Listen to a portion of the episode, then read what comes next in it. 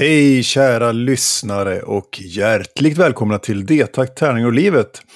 Avsnitt 101, 101 alltså. Den om topp tre bra saker med Diablo 4. Nu kittlar vi igång den här kamratliga kanapén. Woho!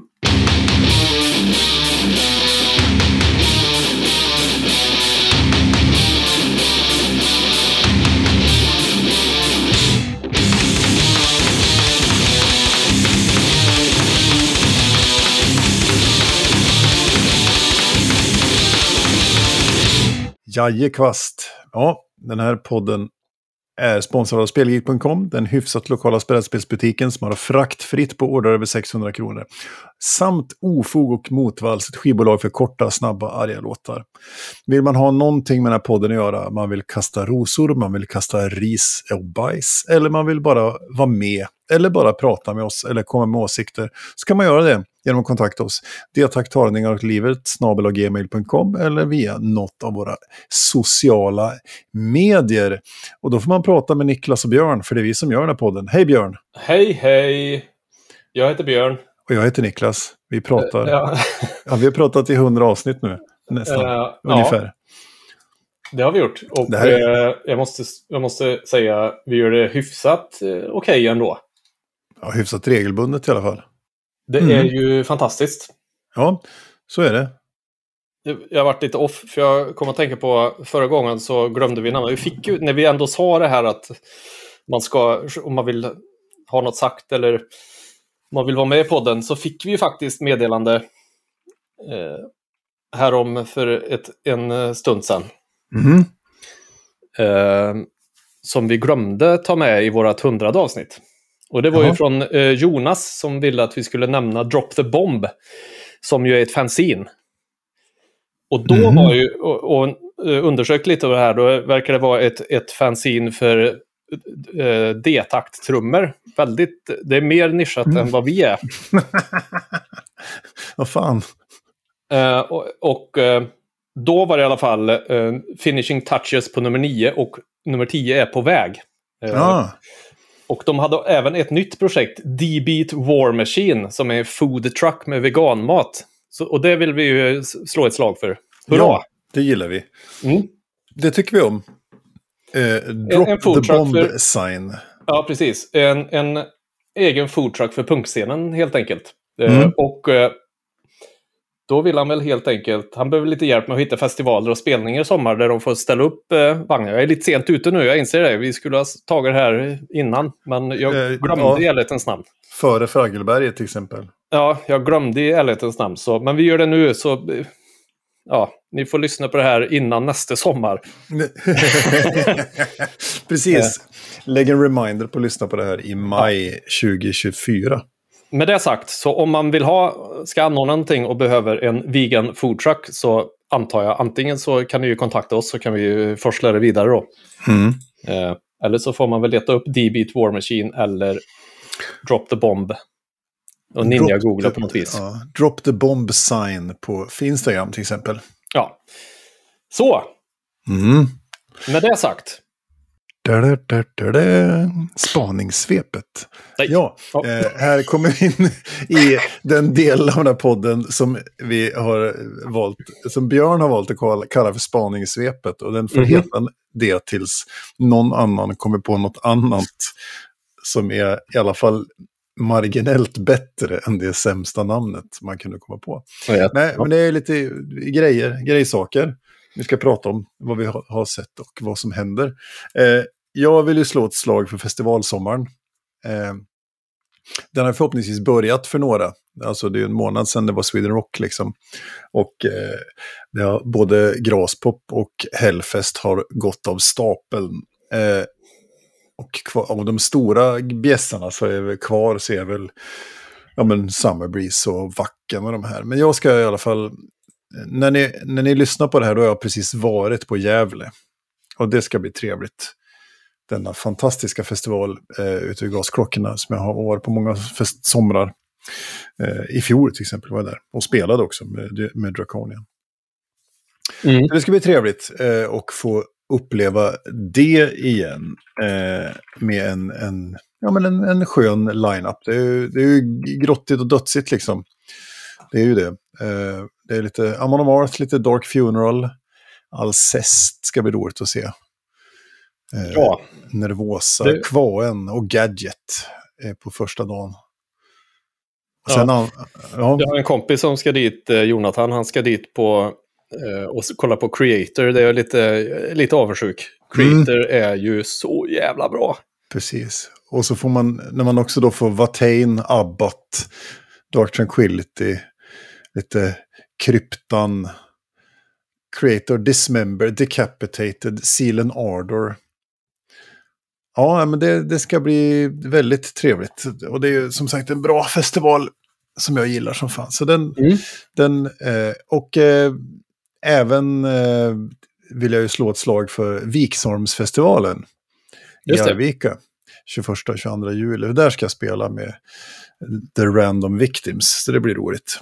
Den lilla lokala festivalen i Arvika som är en helg där det är allmänt bara, ja, det är lokala band och trevligheter så att säga.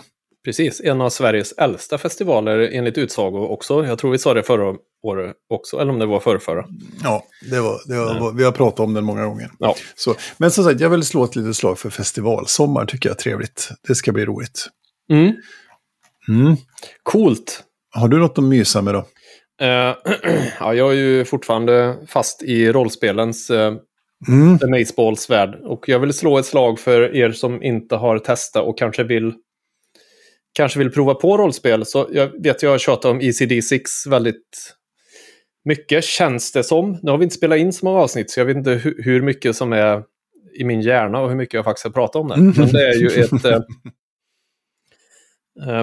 ett rollspel som kom nu i år, tror jag. Mm. Alternativt sent i fjol. Som då är supernerskalade regler, men ändå med så pass djup att det blir... Alltså, det är inte för lite regler, men det är heller inte överväldigande.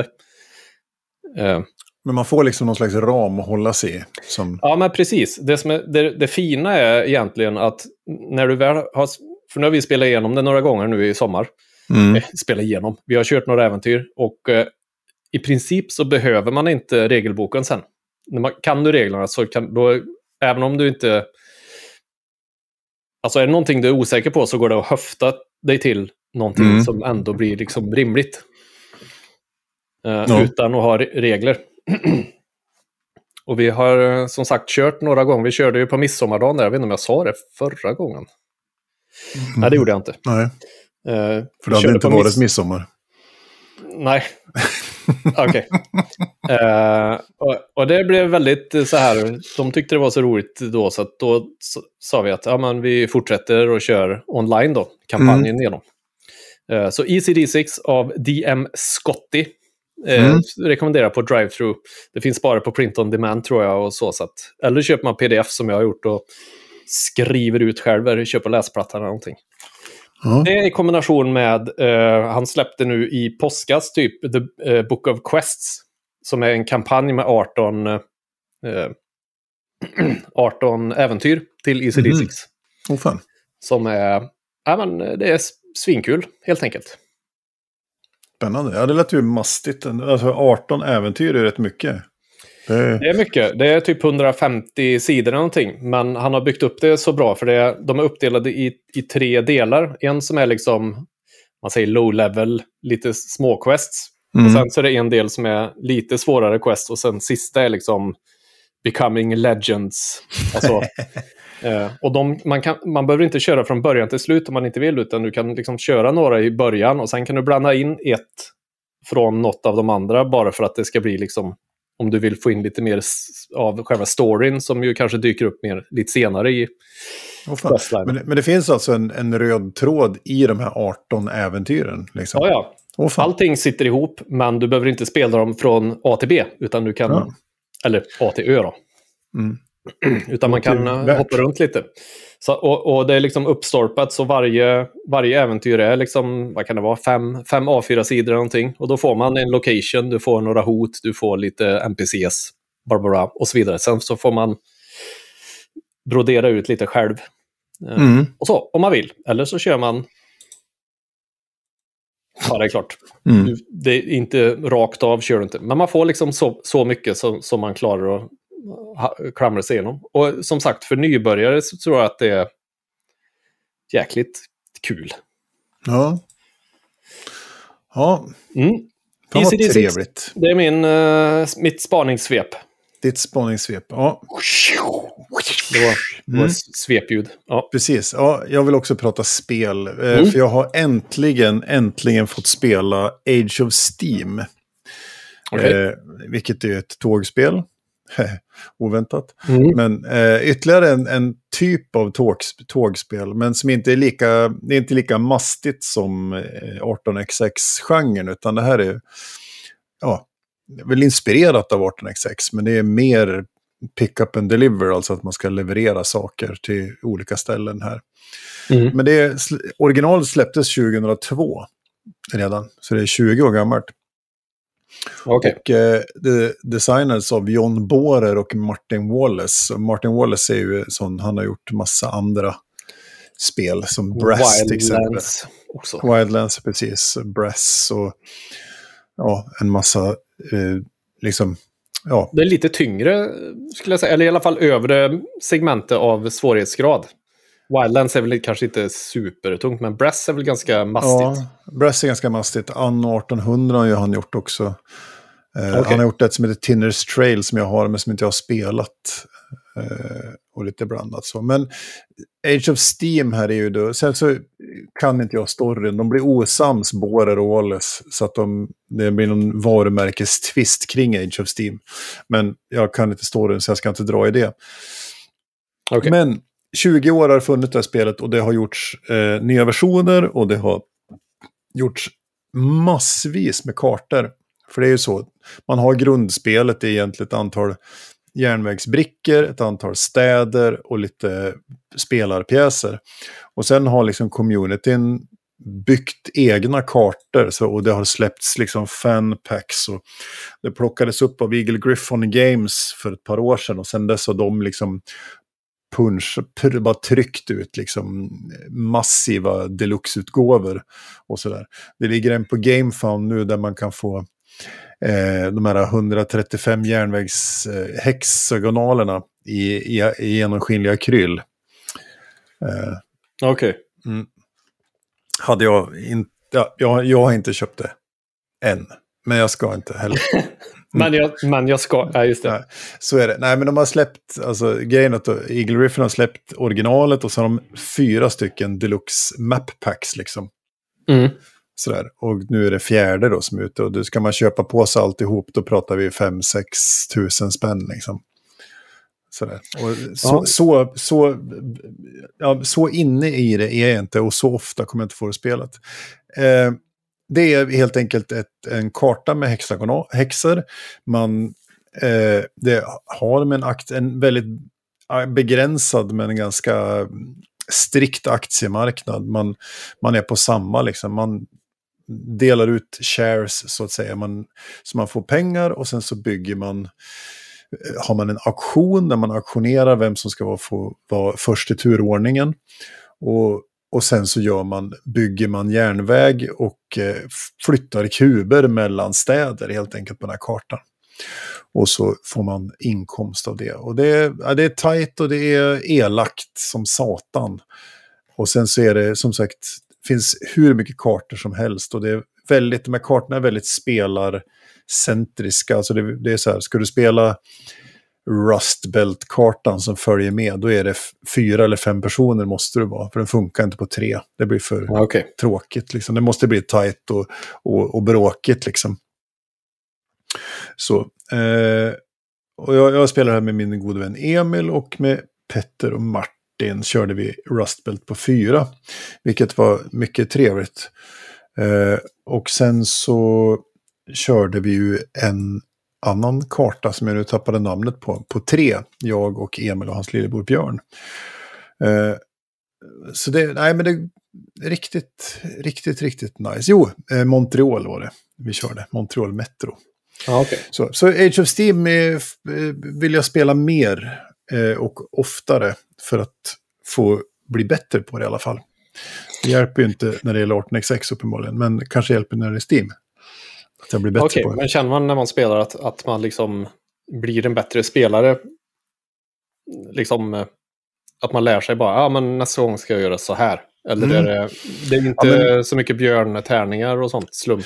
Nej, utan här är det ju bara, det som är här är att varje, alltså det är så extremt beroende på vad de andra gör hela tiden. Du måste okay. alltid, du måste bara, det handlar bara om att reagera på andra hela tiden. Och det är det som gör att det blir ett intressant spel kan jag tycka. Att man hela tiden liksom, ja, ja det, man kan planera hur man skulle vilja. Men sen måste man alltid ändra sig liksom. För att det, då andra gör saker som ställer till det för dem. Så det, det är riktigt, riktigt trevligt spel. Så Age of Steam, det får man gärna komma och spela med mig. Kul! Mm. Eftersom du sa hexagoner så kommer jag att tänka på ett spel som jag inte tror att jag pratat om innan, som jag också bara vill nämna, som jag vet att du också har, men jag vet inte om du har spelat den. Men det heter i alla fall Voyages. Eh, som ja, jag... jag är en print and play. Ja, precis. Som är ett mm. print and play. Jag kommer att tänka på det när du sa dels det här med häx och sen det här med att det finns nya kartor och sånt. Mm. Och det är ju sådana här spel man kan spela egentligen hur många som helst. Eh, varje karta har eh, ser annorlunda ut och så slår man tre tärningar varje gång. Alltså mm. man åker båt då. Slår man tre tärningar, man måste använda varje tärning en gång, exakt en gång. Mm. En tärning är vilken riktning man åker i, i häxnätet. En tärning är hur långt, hur många rutor man åker. Mm. Och en tärning, den sista tärningen ska man eh, kryssa av cargo, vill jag minnas. Just det, eh. fan. Det här har jag... Det är ju ett tag sedan det kom. Mm.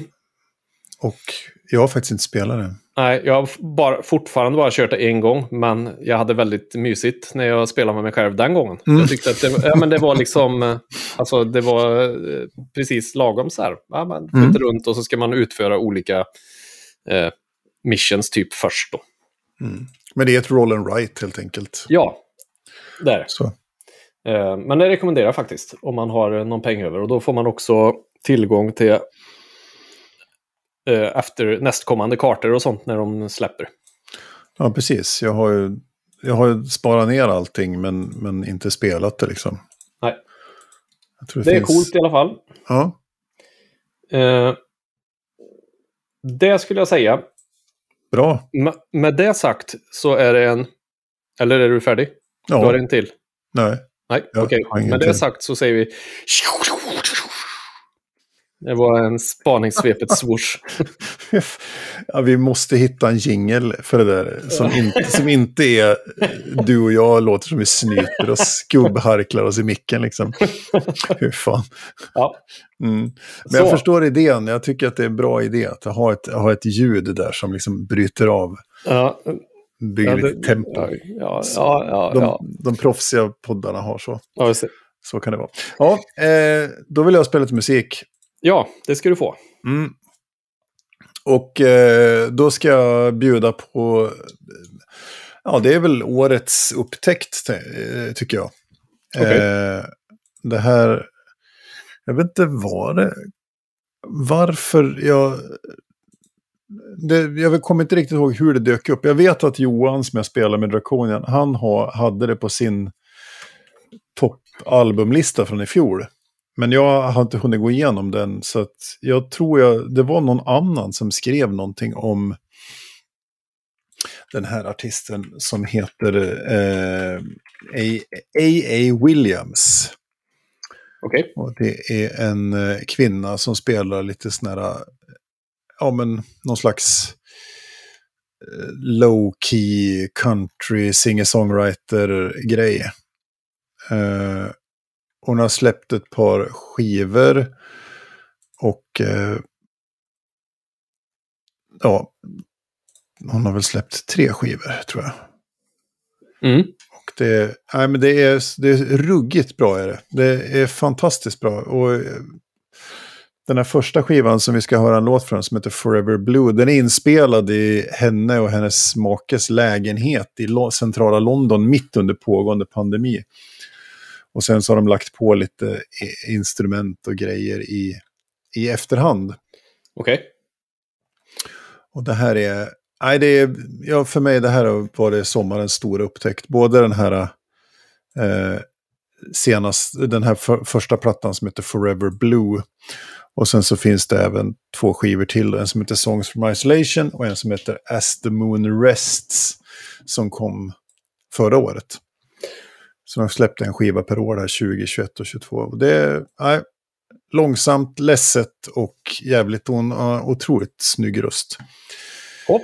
Eh, så vi ska, vi ska lyssna på en låt som heter Fearless som är från den första plattan Forever Blue från 2020.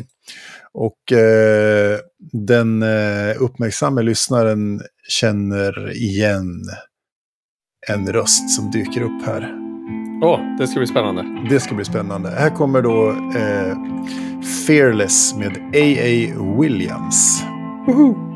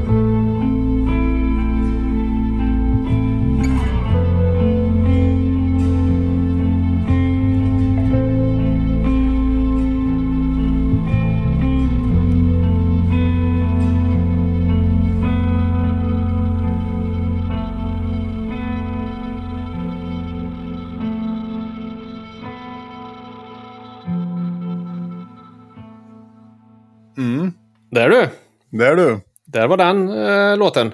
Det var mm. ingen sån här... Äh, inget som kommer att spelas på skolavslutningar i, när man går ur femman på mellanstadiet. Nej, nej, nej. Det är ingen... Det är ingen nu ska vi springa ut i sommaren och ha kul. Nej. Ja. Jag ska också det... säga att uh, Fearless är ju en film med Jet Li från 2005. 2006, mm. förlåt. Uh, jag tänkte att det var någon soundtrack till den eller så, men det var det inte. Ja, nej, det är det inte. Nej, och för den som inte hörde, eller alltså, det, den uppmärksamma lyssnaren hör ju redan när trummorna kommer in att det är Cult of Luna-trummisen som spelar. Mm. Och som sen hör att det är Johannes från Cult of Luna som är med och sjunger. Mm. Så, eh, nej, otroligt bra. Ja, det var fint. Ja, och den här sticker ut lite grann utifrån att de är med. Men det, de är med och petar i hela den här plattan eh, lite av och till. Så att okay. eh, det är... Nej. Eh, ja, det, är, det är väl heller inga så här dur-människor direkt. Nej, nej. Det, det, det är så det är. Ja. Coolt, jag får lyssna in på det mer någon gång mm. när det regnar. Ska sitta ja. och titta ut med haka i handflata ut genom fönster. Och... Mm, ja, men det kan du göra. Nej, men att, att lyssna igenom både, framförallt den här skivan, men även den senaste skivan. De är ruggigt bra tycker jag. Och, nej, något jävla mm, som hon har i rösten och i låtskrivandet och sången. Så, ja, nej, det, det lät bra. Vi gillar vi gillar mm. Men nu då, din gamle necromancer. Äntligen! Äntligen ska du få prata om spelet Diablo 4 ska vi prata om. Det ska vi göra. Mm. Och uh, innan... Uh, eller vi kan ta innan, innan uh, vi tar det efter förresten. För att mm. jag tänkte att vi skulle dra lite history om Diablo 4 innan jag frågar dig vad du har för relation till det. Så mm. får, du, får du testa eh, och se om du kan svara på det. Men det släpptes ju då i alla fall 5 juni 2023. Mm. Diablo 4, eller Diablo IV. Mm. till Playstation 4, Playstation 5, Xbox One, Xbox Series X och Series S och till Windows. Mm. Det är väl första Blizzard-releasen som inte släpps till Mac eller OS X tror jag. Bland de första i alla fall. Det kanske är. Men ja. det är väl är det inte också första som släpps till alla plattformar samtidigt också? Multiplatt samtidigt, ja. Jo, men ja. så kan det vara. Uh, och då tänker man, vad i helvete är då Diablo 4? Jo, det är då ett action role playing game, eller ARPG som det populärt uh, förkortas. Man ser liksom snett uppifrån. Mm. Uh, det är den fjärde stora installationen i serien. Och då räknar man Diablo 1, Diablo 2, Diablo 3, Diablo 4. Immortals eh, räknas kanske inte ens som ett Diablo-spel. Nej, den är ju lite på sidan. Ja. Den, den räknas ju mer eftersom den var så, det var så riktat mot mobilmarknaden eller ja. surfplattemarknaden så, så blev den ju mer... Ja, det blir ju inte ett, ett riktigt Diablo även om det har Diablo-aspekter på sig så att säga. Precis. Mm. Och vad gör man då? Man börjar med att skapa en karaktär. Och då kan man välja mellan att vara en barbarian. Mm. Ja, eller barbar. Druid, mm. necromancer, eller nekromantiker då. Eh, rogue eller sorcerer. Och eh, alla de här har ju liksom olika... De vill ha olika gear, de vill ha, har olika skills och så vidare. Bero, lite beroende på vad man vill spela som. Och så ska det sägas att det kommer en sjätte klass 20 juli. Det gör det kanske, ja. ja Vad, vilken kom, är det då? Ja, jag kommer inte ihåg. Det var det. Nej. Det var dumt. Uh, och jag, jag, då Nina googlar med ja, du Nina googlar så fortsätter jag. Uh, mm. man, man får då springa ut i den här världen som Diablo utspelar sig i, som heter Sanctuary.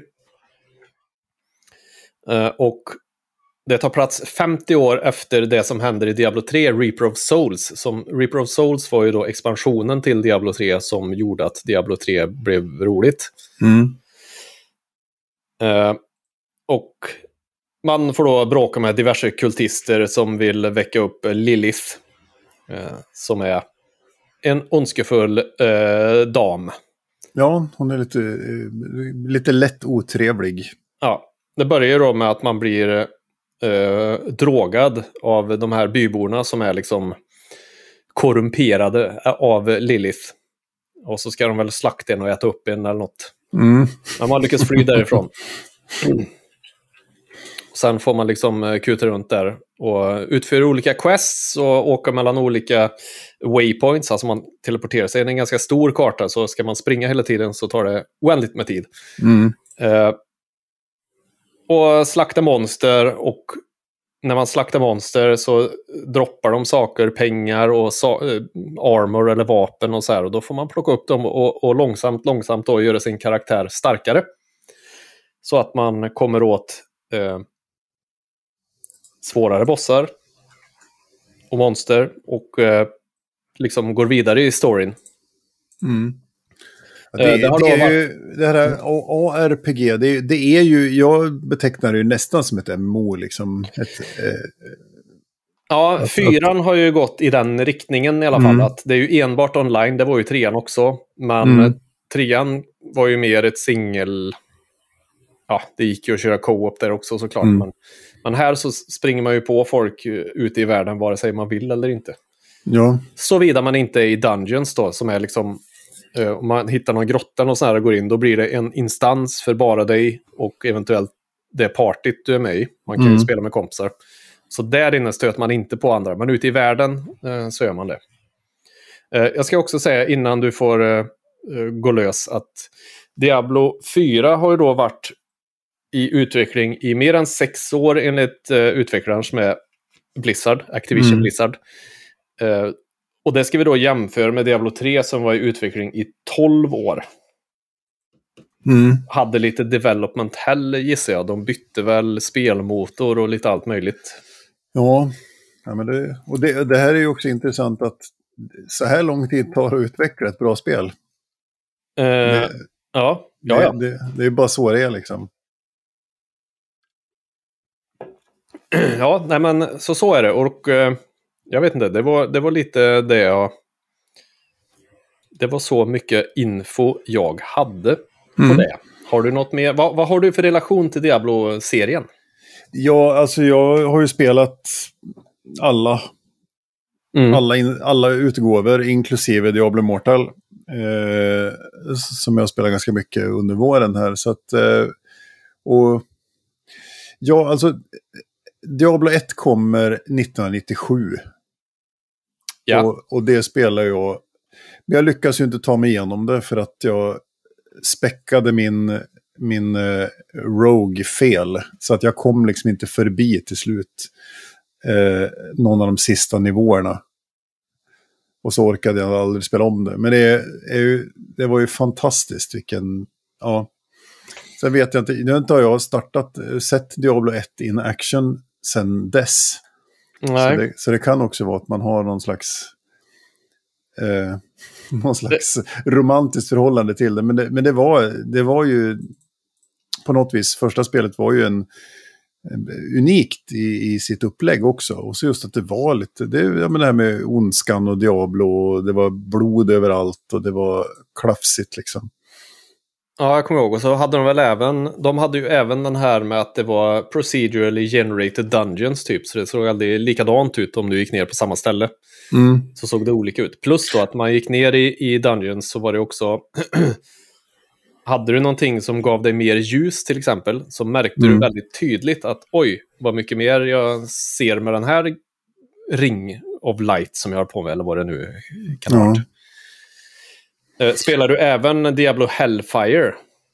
Som är expansionen Nej. till Diablo. Jag vet inte om jag gjorde det faktiskt. För sen, jag, jag klev ju sen ganska raskt in i Diablo 2 som sen kommer 2000. Ja, just det. Och det är ju, ja det är ju ett fantastiskt spel. Och det vet jag ju folk som spelar fortfarande. Ja. Framförallt med, med eh, expansionen, vad den nu hette.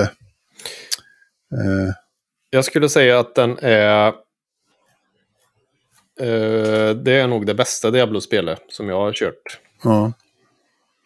Det kom en remaster för, för 2021.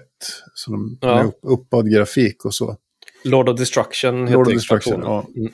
Nej, men det, det är väl, Diablo 2 är det jag spelar igenom flest gånger. Liksom, så. Och sen har jag spelat Diablo 3 av och till en hel del och spelat ett par säsonger och sådär, men inte riktigt fastnat för det. Eh, så därför såg jag fram väldigt mycket mot Diablo 4. Du då? Vad har du för Diablo-story? Ja, men det är lite, lite samma. Jag har också kört allihop. Uh, ettan uh, spelar man ju sönder och samman. Jag, jag är skeptisk. Jag tror inte jag klarar någon. Jo, trean har jag klarat såklart. Mm. Men ettan och tvåan tror jag aldrig jag klarar. Men det var så här. På den, jag jobbade på en lågstadieskola då. Mm. Och det fanns en dator där då. Det var andra tider.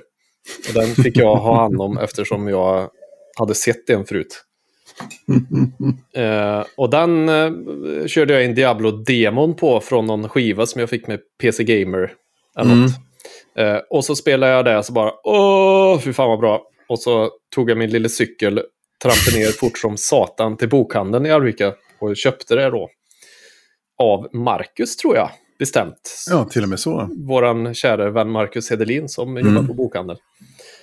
och sen spelar man ju eh, när vi hade, hade nätverkskurser och så här så var det ju, ja men vi kör Diablo LAN liksom. Mm. Coolt.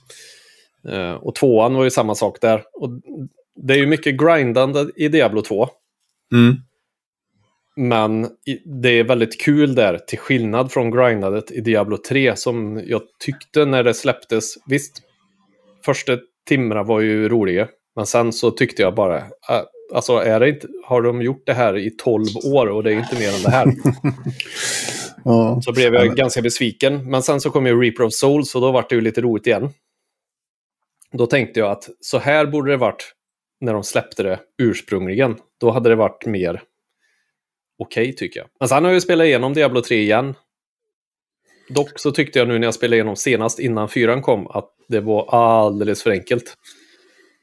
Ja, men det är också för att det bygger ju på att du ska ta dig igenom varje säsong, ta dig igenom storyn.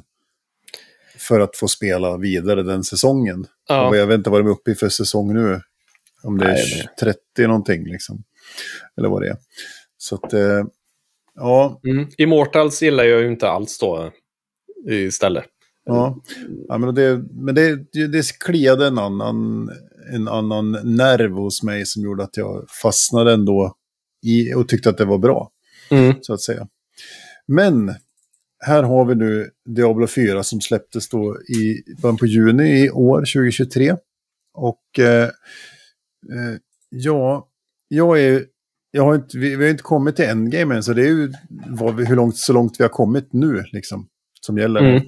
Jag är just nu är level 47 och level 50 så börjar väl endgame egentligen. ja, jag är ju 53 då, så jag är ju där men har haft annat för mig också mm. med husmålning och allting. Så jag har liksom inte riktigt... Precis. Och eh, det vi menar med endgame då, det är att 50 är väl maxlevel och sen kan du levla 50 nivåer upp till level 100 med Paragon. Alltså det är ju deras level-system som funkar så i Diablo-spelen. Men vi får ja. se, jag, jag, kan inte, jag vet inte hur det funkar sen efter level 50. Så det, men, eh, ja, men varje sagt, level så levelar du upp Paragon och sen får man gå på en, en, någon slags så här, uh, skill tree för att låsa upp och göra, du får, tar du den där så får du 5% mer i mm. den här typen av intelligence skills och sen så låser man upp uh, glyphs heter det. Mm. Du, och glyfserna, glyfserna, det låter ju helt sinnessjukt när jag säger så, kan du också äh, levla upp och sätta där då i de här slotsen i skill treat och bla bla bla. Ja. Det är jävligt komplicerat. Ja, för, för skill treat i sig är ju, är ju spännande och, och nydanande, men jag har förstått att den här Paragon-borden är ju ännu mer komplex. Och mm. just det här med, med, med glyfs då, som man ska levla upp. Så att, eh, men som sagt, jag spelar som alltid, spelar jag Rogue. Springer runt med båge, armborst och, och dubbelwieldade knivar, kortsvärd. Mm. jag körs just nu Forceful Arrow Flurry och sen har jag Caltrops, Rapid Fire, Barrage och Rain of Arrows. Och så har jag specialiserat mig på combo points. Och där har jag hittat någon slags Eh, Eh, ja, någonting som gör att jag, det funkar. Eh, det är lite glaskanon, jag gör mycket DPS, men jag dör ju också som en jävla vante i vissa lägen. Mm. Nu var jag inne, jag skulle döda någon boss. Jag måste ha hjälp för övrigt, Björn. Ja, vi tar det sen. vi tar det sen. Eh, i jag är på, i storyn och inne på någon boss, någon, någon jävla stor tjomme nere i en källare på något slott någonstans. Ja, jag vet vilken det är. Det är den som alla behöver hjälp med. Ja, nej, men det, problemet är att det är ett, där han släpper eh, ads som hoppar in och gör massor med skada när de landar. Mm. Och det hinner inte jag undan riktigt när man är ensam och är, okay. om man vill springa runt. Sådär. Så att det, men Vi tar det sen. Ja, det fixar vi. Vet du. Mm. Nej, och jag, men jag gillar det. Jag, det. jag tycker det är fint. Vad spelar du för någonting då? Jag kör ju då också alltid, som alltid, i Diablo Necromancer. Eh, och har då kört någon sån här, att jag har mycket, en Minion Master typ, att jag har mycket Minions. Mm. Uh, jag har det kombinerat med kanske det fränaste spällen i hela datorspelsvärlden som är Corpse Explosion.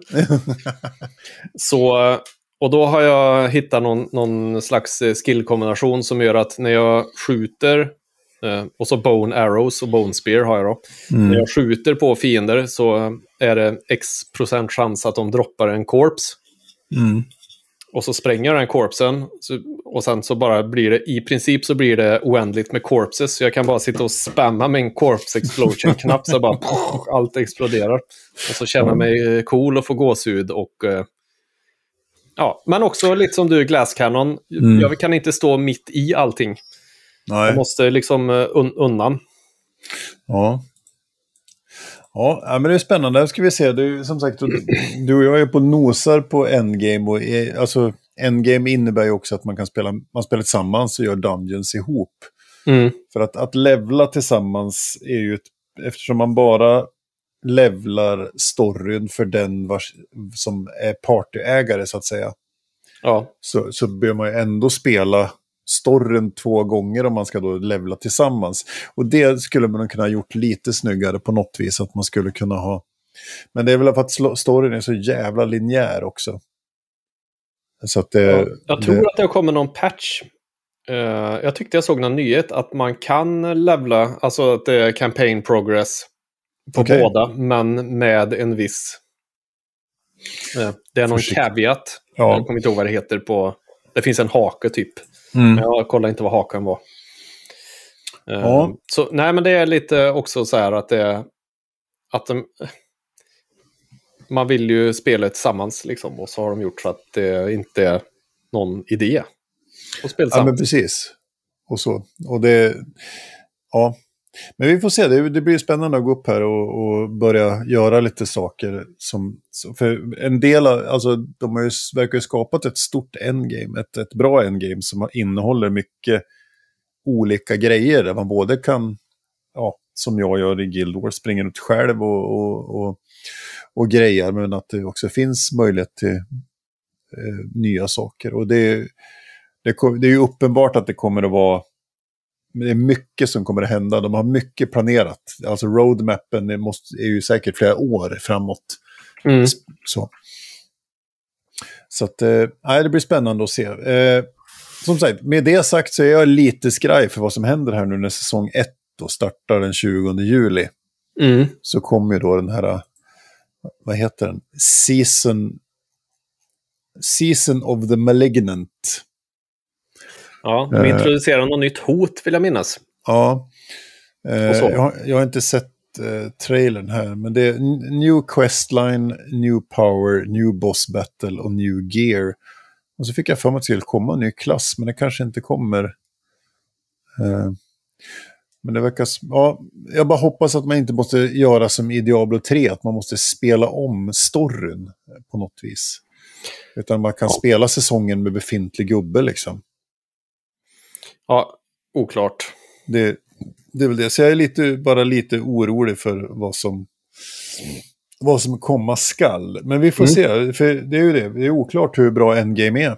Alltså jag vet inte. Men eh, jag ser fram emot att börja beta i det här Paragon-borden och de här glyff.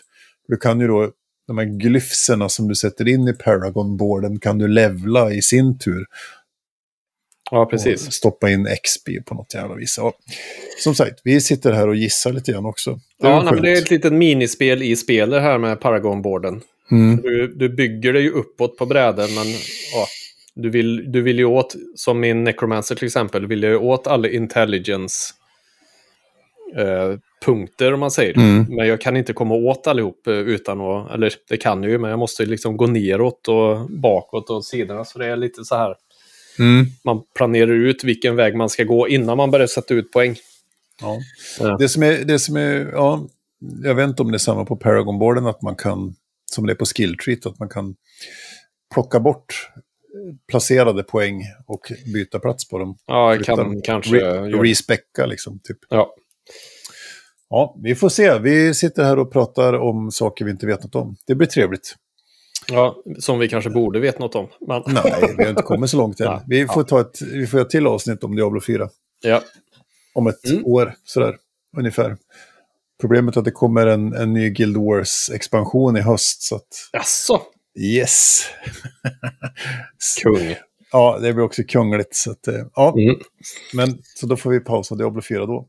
Men fram till det ska vi köra. Men nu ska vi ta, vi ändå bemöda oss att göra topp tre bra saker med Diablo 4 mm. hittills. Precis. Och äh, ska du då börja med din nummer tre? Jag kan börja med min nummer tre. Och eh, på min tredje plats så är det då skill treat. Jag tycker att, alltså jag hatar det i betan. Jag tyckte det var jättedåligt och krångligt och sådär. Men nu har jag börjat komma in i det och börjat se det och eh, det ska bli jävligt intressant att eh, som sagt komma till endgame och respecka, alltså flytta om poängerna för att skapa en bra, en bra bild med, med olika kombos liksom.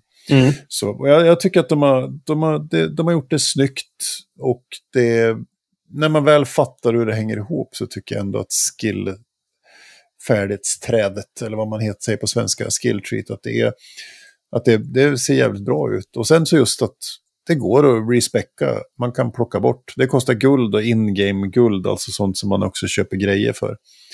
Men inte jättemycket vad jag förstått. Men det, alltså ska du flytta om 50 poäng så kostar det säkert en bra summa med guld, men det går ändå liksom. Ja, jag skulle också säga att det är hyfsat intuitivt träde eh, när man har förstått hur det funkar. Alltså, mm. Eh, så det har de fått till ganska bra. UI ja. är ju... Det gör ju mycket liksom. Ja, ja men det, det är snyggt. Så är det lite nytt. Alltså, det, de, ja, det är något annat än andra, så att säga. Mm. De har gjort en egen grej där och det gillar jag. Så att, eh, på min tredje plats så har vi skill treat, eller färdighetsträdet, som jag tycker är bra. Vad har du på tredje plats då? Ja, på min eh, tredje plats då så har jag ju... Jag kommer inte tro mig när jag säger det här. Men eh, mm. ja, storyn eh, och i det ingår cutscenes och längden på spelet. Mm. Som jag tycker är bra, för det var ju min, min stora brottarhit tänkte jag säga. Men min, mitt stora problem med Diablo 3 var ju att det var alldeles för kort. Mm. Eh, men här så tycker jag att det... Dels är storyn intressant. Eh, och så här och... Ja. Eh, det tar inte slut för fort liksom. Nej. Och, och det, it doesn't overstay its welcome, säger man så? Jag vet inte vad ja. det heter på svenska. ja, vi är en internationell jävla podd. Ja, precis. Vi skulle göra det på engelska någon dag, mm, sa vi. Mm. Nej, men typ så att det... Och det lämnar det lite öppet för uh, fortsättningar, uh, mm. man säger.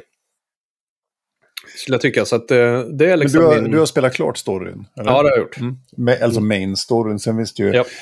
en miljard sidequests. Precis. Men jag har kört klart main-storyn. Jag tyckte det var bra och det var liksom tematiskt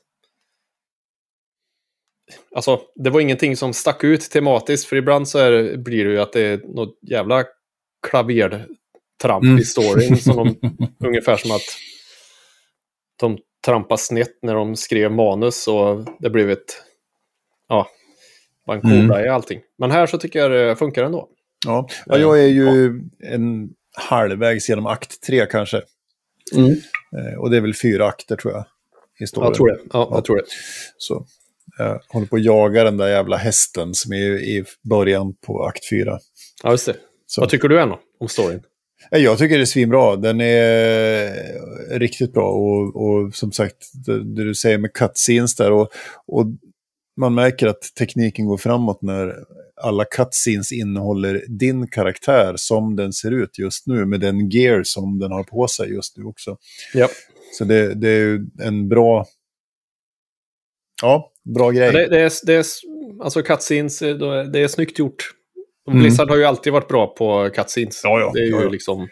Och det är därför Diablo 2 kom på så många skivor. För att det var...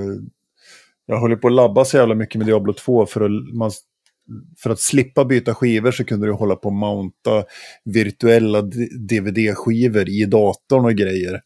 Eller spara ner filmerna på hårddisk och peka och patcha och jävlas. Ja, eller bara tanka hemmet utan cutscenes. Så... För du hade ju spelet. Ja, nej, men det var, det var en massa pill, men man ville ju ha mm. cutscenes mm. och då kan man lägga dem på datorn för att det skulle snabba upp. Det fanns ja, en massa sånt jox. Så, nej, men som sagt, alltid, alltid bra. Och de har alltid, alltid varit duktiga på storybyggning. Så att det...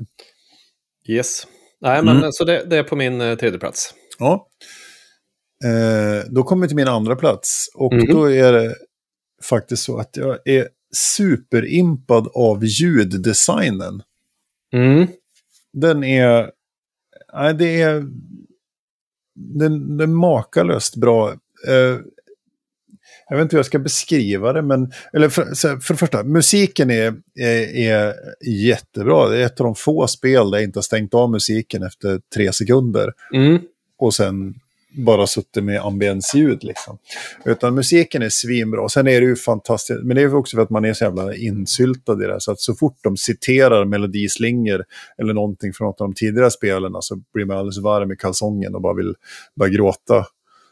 Uh, ja, man hör uh, Tristram-musiken. Ja, men precis. Mm, precis. Stay a while listen. Mm. Så, ja, det, är liksom, det är så mycket grejer som man känner igen och har hört så många gånger så är det fint. Men sen är det generellt alltså ljuddesignen på ambiens och, och slagsmålscener, slagsmål, alltså när man fightas och sådär. Och så jag märkte det så tydligt när man sitter själv och spelar och så hör man små, små saker i bakgrunden. Man till exempel är inne i stan eller inne hos juveleraren och sånt där. Så undrar man, fan, är det i lägenheten det händer någonting så här långt bort? Ja, fan, liksom? har jag en, en hovslagare i lägenheten? Precis. Fan, var det någon som slog, i, slog ihjäl en, en demon i vardagsrummet? Mm. Lämna Nej, Bruno på simskolan. Lämna Dibbe på simskolan. Ja, nej, men som sagt, ju, och, och, och med det så voice-actingen är ju också helt briljant. Eh, riktigt bra röstskådespeleri, det är bra castade röster. Eh, ja, och väl inspelat liksom. Det, och det, då, kommer, då ska vi säga att man ändå kommer då från Guild Wars 2, som kanske är det absolut tveklöst bästa spelet när det gäller voice acting. Eh, där de har haft i, i alla år haft riktiga röstskådisar som, som läser in allting med, på hög nivå. Men det har de här också va? I alla ja, fall ja, ja. han eh, Lorath mm. är ju någon Game of Thrones-nisse vill jag minnas. Ja, han har den basigaste rösten i mannaminne i alla fall. Ja, det har han. Uh, mm. Jag vill bara flika in en sak här med ljuddesignen. Jag har med mm. den som min bubblare. Uh, för att jag tycker den är bra. Men jag stör mig på uh, den totala saknaden, avsaknaden av, inte ambiensljud är fel, men när man står i en stor grotta och Lorath till exempel pratar. Mm. Så är det noll reverb. Det är som att han står i, invirad i en skumgummimadrass i studion och pratar precis bredvid örat. Det, det är inte bra. Nej. Tycker jag. Nu vet inte om det är jag som har fel inställning i Diablo eller någonting, men allt annat låter kanon. Så jag håller med mm. om att musiken är ju top notch. Ja. Uh, och ljudeffekter och sånt där är ju skitbra. Men just det stör jag mig på. Ja. Det är lite så här immersion breaking för mig. Men du har, du har inte fel inställning i huvudet alltså? Uh, nej, inbyggd reverb i öra har jag. Ja, ja. mm. ja det är... Medium hall. Ja. det är i alla fall Ralph Ineson mm, mm. som är Eh, som är... Loreth. Loreth. Precis. En BBC-skådis. Och... Han är också ja. med i Diablo 3 Reaper of Souls. Ja. Så är För det. den som bryr sig. För den som brydde sig, ja precis. Vad sa han? Han var med i Game of Thrones också. Ja, eh, det ska han vara. Ja. Jag har ju inte sett det. Men han, han, han da spelar... Dagmer Cleftjaw är han ja, i, i, Game of Thrones. Så. Ja, det var min andra plats. Vad är din andra plats? Jag ska bara säga att Mephisto, eller vad säger jag, Lilith, eh, spelas mm. av Caroline Faber, som jag inte vet vad hon har varit med innan, men det kan du Ninja googla. Hon mm. gör också ett eh, otroligt bra jobb, skulle jag säga. Absolut. Eh, min, min tvåa. Mm. Min tvåa är då själva stämningen i spelet. Alltså mm. att det är så jävla mörkt och blodigt. Och de backar inte på där andra spel kanske hade klippt åt sidan när en präst huggs ihjäl. Mm. Typ.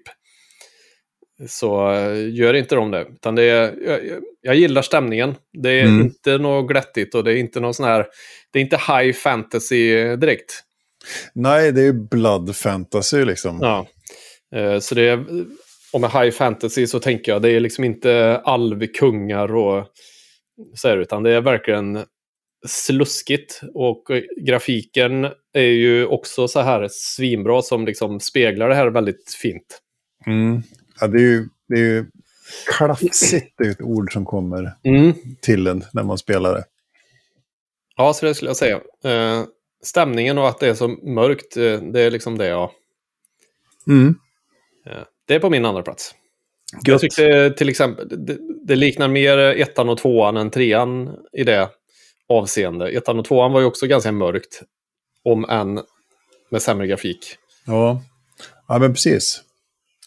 Jag är mm. enig i detta. Det var min andra plats lite mm. snabbt så. Då kommer min första plats. Får en fanfar? Då, du ska få en fanfar. Håll i dig. Fan vad fint. Mm -hmm. eh, för det är väl nästan en crossover med din andra plats. Eller, jag skrev Diablo-feelingen ja. på första plats. Eh, nej, men just det som du var inne på här, att eh, de har lyckats behålla det som det som är Diablo för mig, alltså det som är eh, roten till alla spelen, det här eh, lite klafsiga, blodiga storyn liksom och världen och, och hur det hänger ihop liksom. Och, och så, nej, de har som sagt och, eh, lyckats ta en, en fräsch take. Det är ett, ett, ett nytt spännande spel med nya funktioner och, och, så. Sen så är det ett, alltså det är ett datorspel. Du ska klicka en miljon gånger och ha ihjäl en massa monster och du ska levla och du ska hitta gear och sådana grejer. Men de har gjort det snyggt och, de, ja, och intuitivt och så som du var inne på tidigare också med det känns som de har lagt upp för att de är in, in for the long game så att säga. De, mm. ska, det här är en, en, de har en roadmap på fan 5-10 år här. Som, som är utstakad hur de har tänkt sig att förvalta Diablo 4. Och det tycker jag känns jävligt bra. Så, ja. så det, det, är nog min, min, min första plats. Liksom. Att jag, jag, jag, jag, jag känner, hemskt att säga, men jag känner mig hemma i, mm i Diablo 4. Liksom. Jag, jag, jag, kommer hem till Diablo och, och, får uppleva den här världen och, och allting omkring. Så, så det är på min första plats. Vad har du på första plats?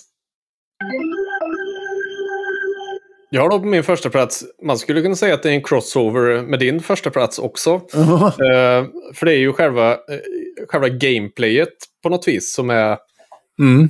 Uh, och själva känslan av att man blir bättre, starkare, kan plöja, bara smälta horder av monster till slut. Man, mm. Jag pratade om det innan, bara när man går in och ställer sig, med liksom, bara ställer sig och börjar spamma knappar och kombinera saker så det är bara, allt bara mm. tokdör så känner man sig så jävla frän. Ja. Uh, och det är lite den känslan man hade i ettan och tvåan också tycker jag. Ja, men det... Inte lika mycket Eh, återigen, men skit i det. Men just att man, ah, nu hittar jag den här legendary-grejen som gör att jag blir får lite mer motstånd mot den här grejen och då kan jag gå dit och daska på den där grejen. uh, ja. Nej, men typ så. Uh, så. så. det är liksom själva... Ja, men de har fått till gameplay och det är ju det som är viktigt liksom. Ja, och det, och det är det som hookar en. Alltså det är det som gör att man kliver in och kommer tillbaka mm. och startar upp spelet igen. Liksom. Det är ju, är ju det är ju det som är bra. Och det är ju grundbulten i att sen liksom se vad, vad blir det för endgame. Ja, och, och så. Det finns ju ett litet crafting-ish system. Mm. Men, men vi får se vad det tar vägen och det kan de utveckla ja. säkert också. Så. Det är ju inget auction house i alla fall. Nej, så är det. Som i trean. Mm. Eh, ja, har du några bubblor då? Vi, ska ta, ja, ja, absolut. Det ska vi min, göra. Min topp tre var på tredje plats skill treat. På andra plats ljuddesignen och på första platsen Diablo-feelingen. Uh, och min tredje plats då var storyn, cutscenes, längden på spelet. Uh, andra platsen var stämningen, den, den mörka stämningen. Mm. På första plats var det gameplay, att det är mäktigt att plöja sig igenom horder av monster och se mm. när de smälter framför mina håriga tår. ja, det är trevligt. Så jag vet inte riktigt vad jag ska ha för bubblare så. Eh, jo, en sak som jag märker att jag uppskattar och det är att det är ett lägre tempo i, mm i själva spelet. Och man behöver tänka om. Alltså det är, även om du nu älskar att smälta motståndare med ljusets hastighet framför dina håriga tår. Eh, så är det tydligt att man även på den lättaste nivån behöver vara lite taktisk och tänka om. Man kan inte bara springa in och mölja. Speciellt om man spelar så här Glass Cannon-karaktärer. Eh, så, så, så krävs det ju att man ändå har någon slags... Man måste träna ändå och bli bättre på att spela. Jag, tycker ja, jag skulle att... säga, nu, förlåt att jag avbröt, men uh, min, uh, jag har inte riktigt den känslan. Men det kanske är för att jag hade Minion Master, så alla mina fiender gick ju på mina skelett som jag skickade upp. Mm. Uh, men fortsätt. Ja, Nej, men jag, jag skulle nog säga att det, det, krävs lite, lite skill. Och speciellt om man spelar på World Tier 2 då, mm. eh, under storyn. Så får man, är det en liten utmaning. Och den har jag tyckt har varit, nu har jag bytt tillbaka till ettan för att det började bli för krångligt. Eller ta för lång tid egentligen. Är väl det. Så att, eh, men eh, det tycker jag att man ändå har fått... Man är tvungen att lära sig bra kombos för att det ska funka. Liksom. Mm. inte bara, man kan inte bara gå in och trycka på ettan hela tiden. Och så är man med i matchen. Så, Nej, så det, det är väl det, det tempot tycker jag är intressant. Så. Har du någon bubblare? Ja, min bubblare var ju ljuddesignen då. Mm. Jag tycker att den är ju bra, bortsett från jag fattar inte varför de inte har lagt på reverb om man står i en grotta och pratar. Mm. Eh, och så. Du skriva ett mail till dem. Ja, hur kan ni vara så dåliga? Mm. uh, Nio år och det här får jag. Ja, jag skickade ett, ett reverb med posten. Mm. Uh, nej, men uh, annars så, nej, men det som du säger, tempot då är ju bra. Uh, jag har inte tänkt på så sätt, men när du säger det så, så mm. funkar det ju. Uh, kom inte på något annat riktigt bra. Har du någon, någon dålig minusbubblare? Det är väl att jag är, som jag sa inledningsvis här, att eh, inte jag är lite orolig för vad som händer när de nu släpper första patchen. Och eh, säsong ett, vad händer då med... Alltså, sen fattar jag att de måste monetisera spelet för att kunna förvalta det över tid. Eh, men frågan är, de kommer ju köra sådana här battle pass till exempel. Som Guild Wars menar du? Ja, men Guild Wars monetiserar ju genom att alltså allt, alla köp är ju Quality of Life-grejer. Mer eller mindre. Och, eh, och expansion, där är ju grundspelet gratis och expansionerna kostar pengar. Som det är just nu. Mm. Eh, men här har man ju stoppat in ja, allt emellan 600 spänn och 1000 spänn för att få igång det här spelet. 600, det var så billigt hittade du det inte. Nej, kanske till och med är på 700 det startar åtta. Ja. 79 euro typ. Är nog Ja. det billigaste. Eller något. Ja, Ja. För sen finns det, jag köpte ju någon deluxe-utgåva självklart. det är klart jag gjorde. Och den låg på tusenlappen ungefär. Ja. Så, det, så jag tänker också, det är det jag blivit orolig så här, Ska jag behöva då köpa ett enhanced battle pass för 50 spänn i månaden eller något sånt där? Eh, Hur långa är säsongerna? Alltså det är lite sånt som jag är lite fundersam över hur de har tänkt att lösa. Nu finns det säkert massa information om det att läsa, men jag har inte orkat. Nej. Det är väl enda jag kan tycka känns just nu är lite så här, hej.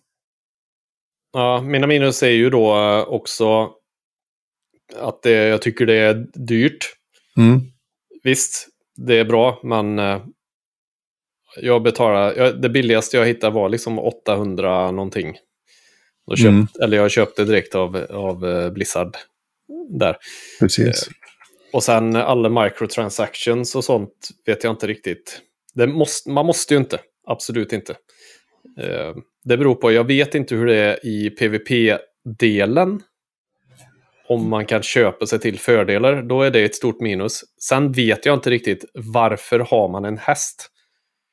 Det finns ingen rimlig anledning att ha en häst. Nu har de ju patchat så att när man öppnar, eh, är det Rifts det heter? Man öppnar större dungeons i alla fall. Mm. Innan var man tvungen att rida till öppningen. Nej, Man var inte tvungen att rida, man var tvungen att ta sig till öppningen antingen via fots eller via häst. Och då Mm. var det bra med häst. Nu kan man teleportera sig direkt dit. Eh, och jag förstår inte riktigt vad hästen är bra för. Den känns bara malplacerad. För Ja. mig så skulle de kunna ta bort hästen. Den, den tillför ingenting. Det är, eh, alltså, det är som en, att ha, det är en havremoped, typ. Mm, ja, men det, så är det. Så ja, det, jag, har inte, jag har inte fått hästen än. Nej. Nej, men sen så är det ju bara, man kör, hittar ju, låser upp alla waypoints och så åker du mellan waypoints. Och sen så i städer så går det typ fortare att springa än med hästen. För där kan du liksom inte... där kan man inte gasa med hästen. Nej. Ute i världen så kan du gasa, men det går eh, fortfarande liksom inte... Jag förstår inte. Den är... Ja. Ja, det är väl att man ska fått den kanske lite tidigare då, så att man kan ha använt den i all, fler storydelar när man faktiskt måste springa. Ja, rida och leta upp waypoints, men sen Ja. då blir den helt poänglös senare. Så Ja. i, i min värld så är hästen bara där för att de ska kunna sälja cosmetics till hästen, så att du har Mm. en tuff häst. Ja, det är klart. Ja. You, you needs the horse. Ja. Ja. Standard edition kostar 6, 70 dollar. The Digital Deluxe, Deluxe Edition kostar 90 dollar och Ultimate Edition kostar tu- 99 dollar, eller 100 Ah, okej. dollar. Mm. Så är det nu då. Så att, det- och det är väl samma i euro ungefär. Så, Ja, att- ja. ja, ja. så kan det vara. Nu har vi pratat skitlänge, Björn. Mm. Det var en Ja. halvtimme som gick fort idag. Och. ja. Mm. Och jag sa ju att jag skulle prata Battlebit Remastered, men jag tror att vi sparar det till nästa gång. Mm. Det tycker jag. Och det blir väl dumt för er som har suttit och väntat på det. Suttit spänd av förväntan Ja, på kanten av stolar. Ja, fy fan. Ja.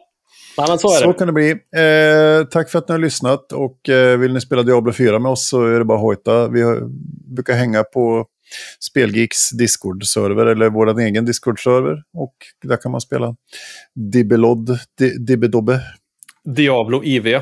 Diablo IV. Så. Eh, Eller andra det spel. finns, finns väl till och med en Spelgeek-klan va? Som, Eh, ja, som Norrit eh, styr. Tror jag. ja. Eller du Det finns kanske. en massa... Nej, det är inte jag. Eh, de har insett att jag överger spel snabbare än ögat. Så Ja, det vet jag. det är bättre att någon annan eh, basar över det där. Så är det. Ja, det finns en klan att vara med i alla fall och det finns Ja. Discord-servrar att hänga Och på. vi hjälper gärna till med bossar och så vidare om ni skulle vilja hjälpa med det. Ja, spel ut. Ja, och har man andra frågor så skickar man dem till våran mail och då svarar vi på det Ja, med vändande post. Eh, tack för idag. tack själv. Och tack ni Patreons. Och Mm. tack ni lyssnare. Och Ja. eh, vi ses en annan gång. Det gör vi. Puss och hej. Hej hej!